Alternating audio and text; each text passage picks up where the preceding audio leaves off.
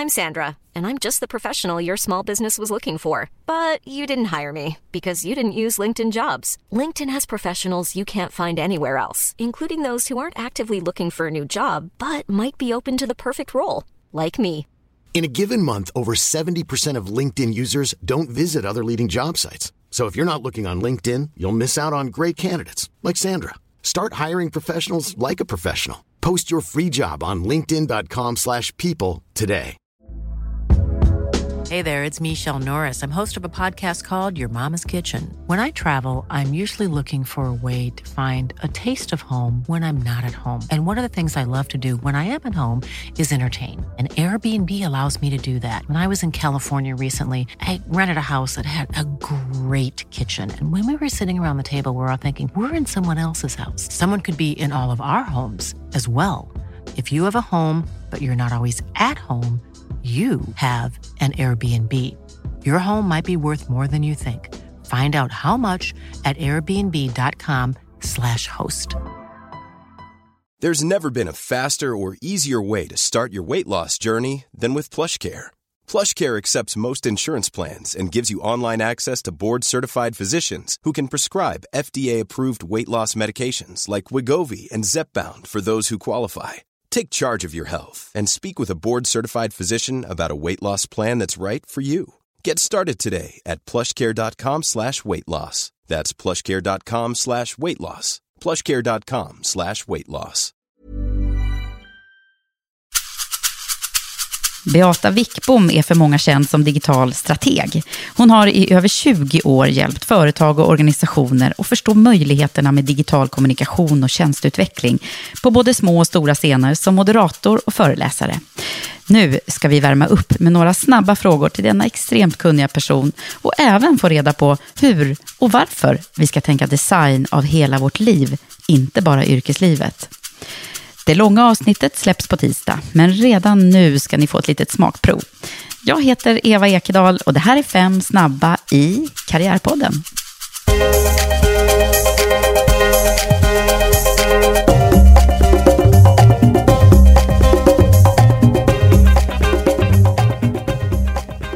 Berätta om ögonblicket som förändrade din karriär. Det är enkelt. Det är när en av grundarna till det som eh, var Spray eh, ringde mig och frågade om jag ville komma på en intervju. Och eh, ja, så det var väl ögonblicket då. Men sen när jag väl kom dit så insåg jag att gud, jag kan, ju, jag, jag liksom kan ingenting om det här med internet. Men jag förstår ju vad det är de beskriver och jag förstår att det här är någonting stort. Och det ögonblicket att jag förstod att det här måste jag tacka ja till och jobba med framöver. Mm. Eh, det, det var, nog det bästa. Ja, för då för de jag... som inte vet vad spray är, kort, vad är det för något? Det var eh, ett av de här första internetföretagen i Sverige och vi ville ju bygga tjänster som eh, förändrade samhället och som eh, förändrade företag. Och vi ville vara ett exempel på framtidens företagande. Och det var där jag känner att jag fick liksom verka fullt ut och jag upptäckte att så som jag är, det jag kan, så som jag jobbar, funkar jättebra. Mm. Och jag fick känna mig jättebra på jobbet. Vilket är din karriärs största utmaning? Jag tror det är den ständiga utmaningen som, som följer med eh, mig hela tiden. Nämligen att eh, förenkla det komplexa. Så att jag kan paketera min kunskap och mina insikter till någonting som blir värdefullt för andra. Om det är i ett litet team eller om det är till en uppdragsgivare där jag är huvudansvarig för en leverans. Men det här att, att, att vara tydlig och bli, bli förstådd. Det skulle jag säga är den ständiga utmaningen. För ju, ju enklare du är att samarbeta med, desto mer värde kan du, kan du skapa. Vilket råd hade du gett dig själv i, precis i början av din karriär? Eh, se till att armkroka med någon som du kan jobba tillsammans med på ett bra sätt. Och eller se till att ha en chef eller någon ledare runt dig som du verkligen, verkligen lär dig av hur det är att jobba på rätt sätt. Så att du lär dig ett arbetssätt, du, du ser hur ledarskap som fungerar, fungerar i praktiken och du har förebild som, du kan, som sätter sig fysiskt i kroppen. Om du tycker att någonting är tråkigt eller olustigt eller det bara är plikt, bryt och byt. För att, Bryt och byt. ja, för att det är... eh, Du kommer inte på lång sikt skapa värde. Du kommer inte vara ditt bästa jag. Och din inre motivation kommer långsamt att brytas ner. Det här har du erfarit Ja, flera gånger. inte så många gånger och, inte, och mindre och mindre med tiden. För att jag, jag ser ju hur, eh, hur jag själv kroknar. Och det, det är ju, dit så långt ska du inte gå. Och det är inte, då tänker jag mer och mer så här, det är inte mig det är fel på, det är sammanhanget. För jag vet att jag kan göra jättebra jobb och göra jättemycket nytta och, och, och känna stor, stor arbetsglädje och stor motivation nästan hela tiden. Jag vaknar ju nästan alltid glad och motiverad. Vad hade du ändrat på om du kunde?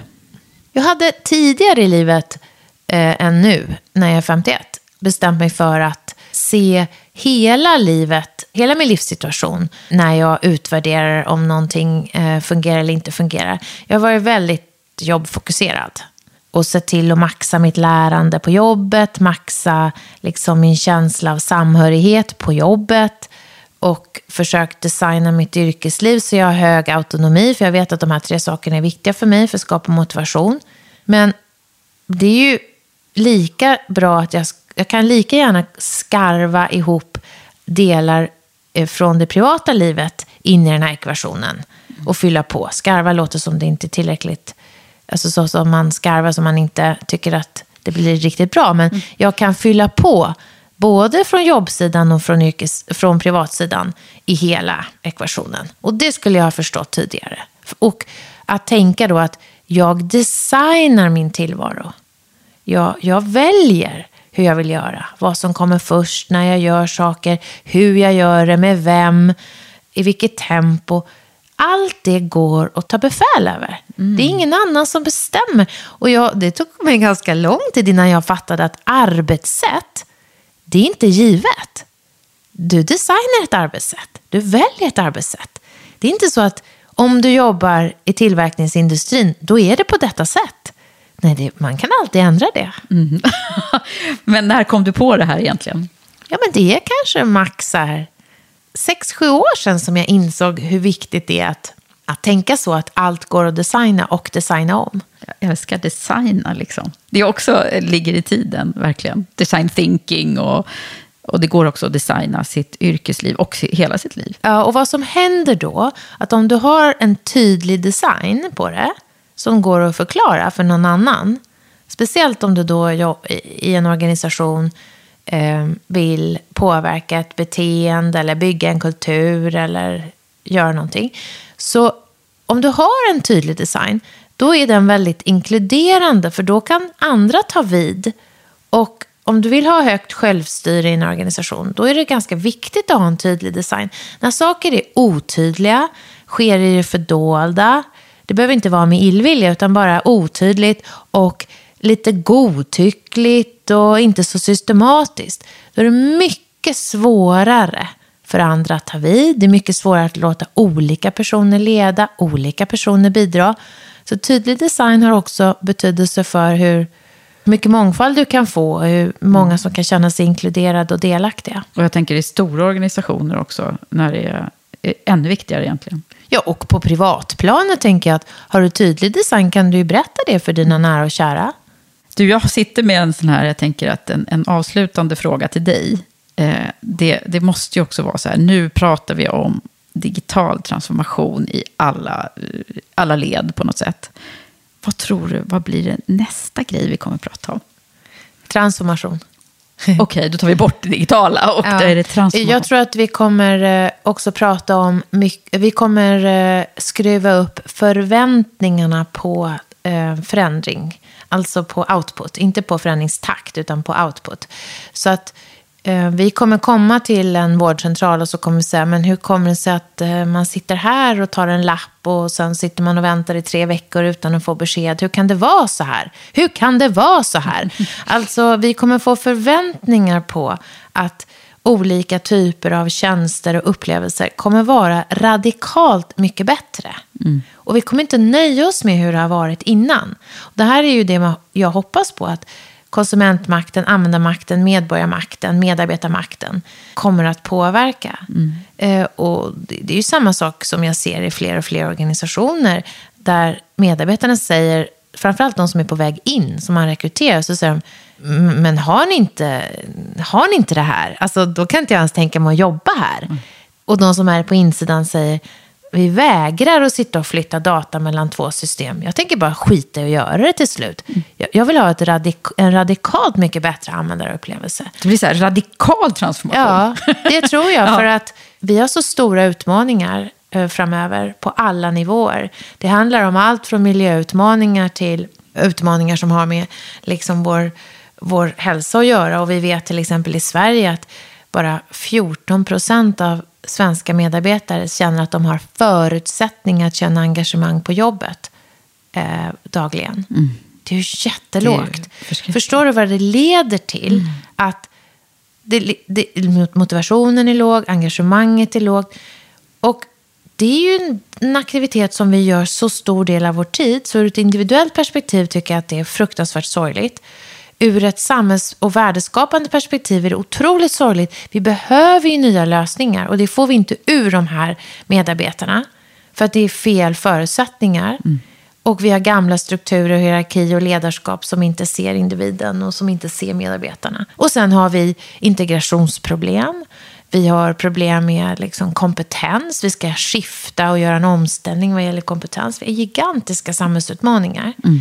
Så vi måste snabba på vår förmåga att hitta radikalt mycket bättre lösningar. Mm. Om vi ska kunna ha en dräglig plats att leva och bo och älska på.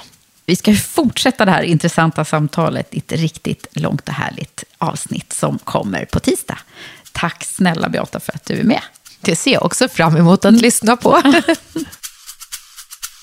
Det var fem snabba. Missa nu inte hela avsnittet med Beata Wickbom nu på tisdag. Det här är Karriärpodden och jag heter Eva Ekedal.